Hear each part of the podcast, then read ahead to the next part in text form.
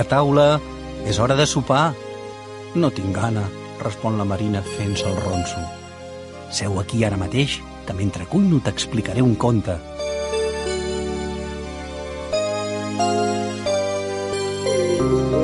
Fa molt i molt de temps, en una galàxia molt llunyana, hi havia tres ous de marcians que estaven a punt de trencar-se. Una mica més de paciència i al cap d'uns quants dies naixerien tres marcianets. Un d'aquests marcianets era el marcianet lleig.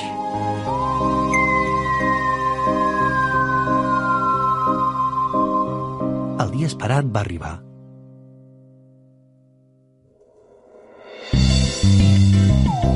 I els tres ous de marcians es van trencar. Del primer en va sortir un marcianet preciós. Era petit com una flor petita i d'un color groc suau i elegant. Del segon ou en va sortir una marcianeta que també era una preciositat. Era tan petita i groguenca com el seu germà. Del darrer ou, en canvi, en va sortir un marcianet molt diferent dels altres dos. Malgrat que el marcianet s'hi esforçava, tot ho aprenia molt a poc a poc.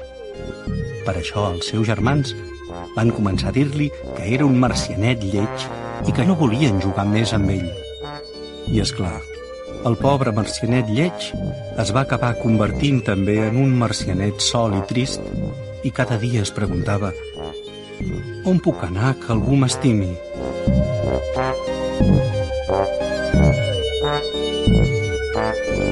En aquella època, al seu planeta, hi vivia un monstre terrible i molt temut per tots els marcians. A més de ser molt malcarat, era molt lleig. Aniré a veure el monstre. Com que ell és tan horrible, segur que no li farà res de jugar amb mi, que també sóc lleig. I dit i fet, el marcianet va anar a veure el monstre horrorós. Però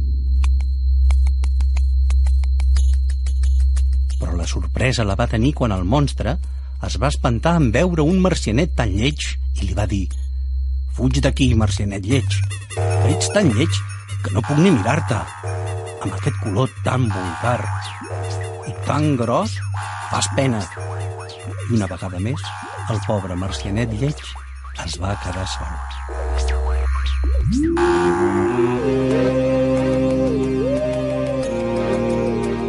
Va anar passant el temps i el marcianet lleig continuava sol i trist. Es preguntava ell mateix Arribarà un dia que tothom deixarà de dir-me marcianet lleig? El que més desitjo al món és que algú m'estimi.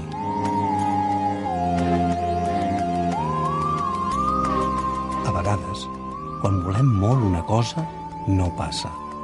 Però a vegades sí. Vet aquí que això és el que li va passar al marcianet lleig.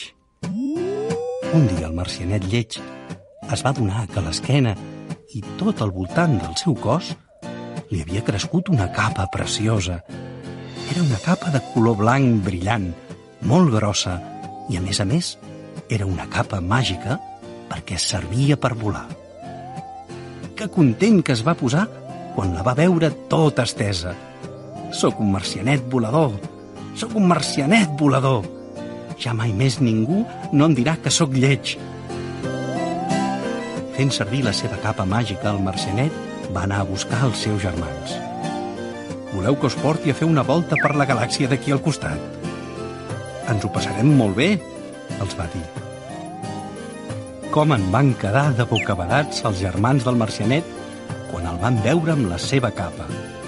El primer que van fer va ser demanar-li perdó per haver-se ricut d'ell. Mai més ens en riurem de tu, li van prometre. Ja ho sé, els va dir el marcianet. Però el que tampoc no heu de fer, si us plau, és burlar-vos mai de ningú que sigui diferent o que vagi més a poc a poc a aprendre les coses. Amb la capa màgica del marcianet, ell i els seus germans van fer una volta fantàstica per la galàxia del costat. També els va acompanyar el monstre, que cansat de ser un monstre malcarat i solitari, s'havia fet amic del marcianet volador i dels seus dos germans.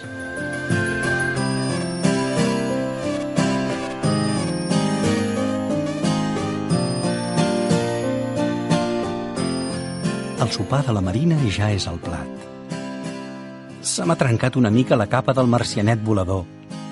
No hi fa res, respon la Marina. Tinc tanta gana que avui m'acabaré el sopar volant.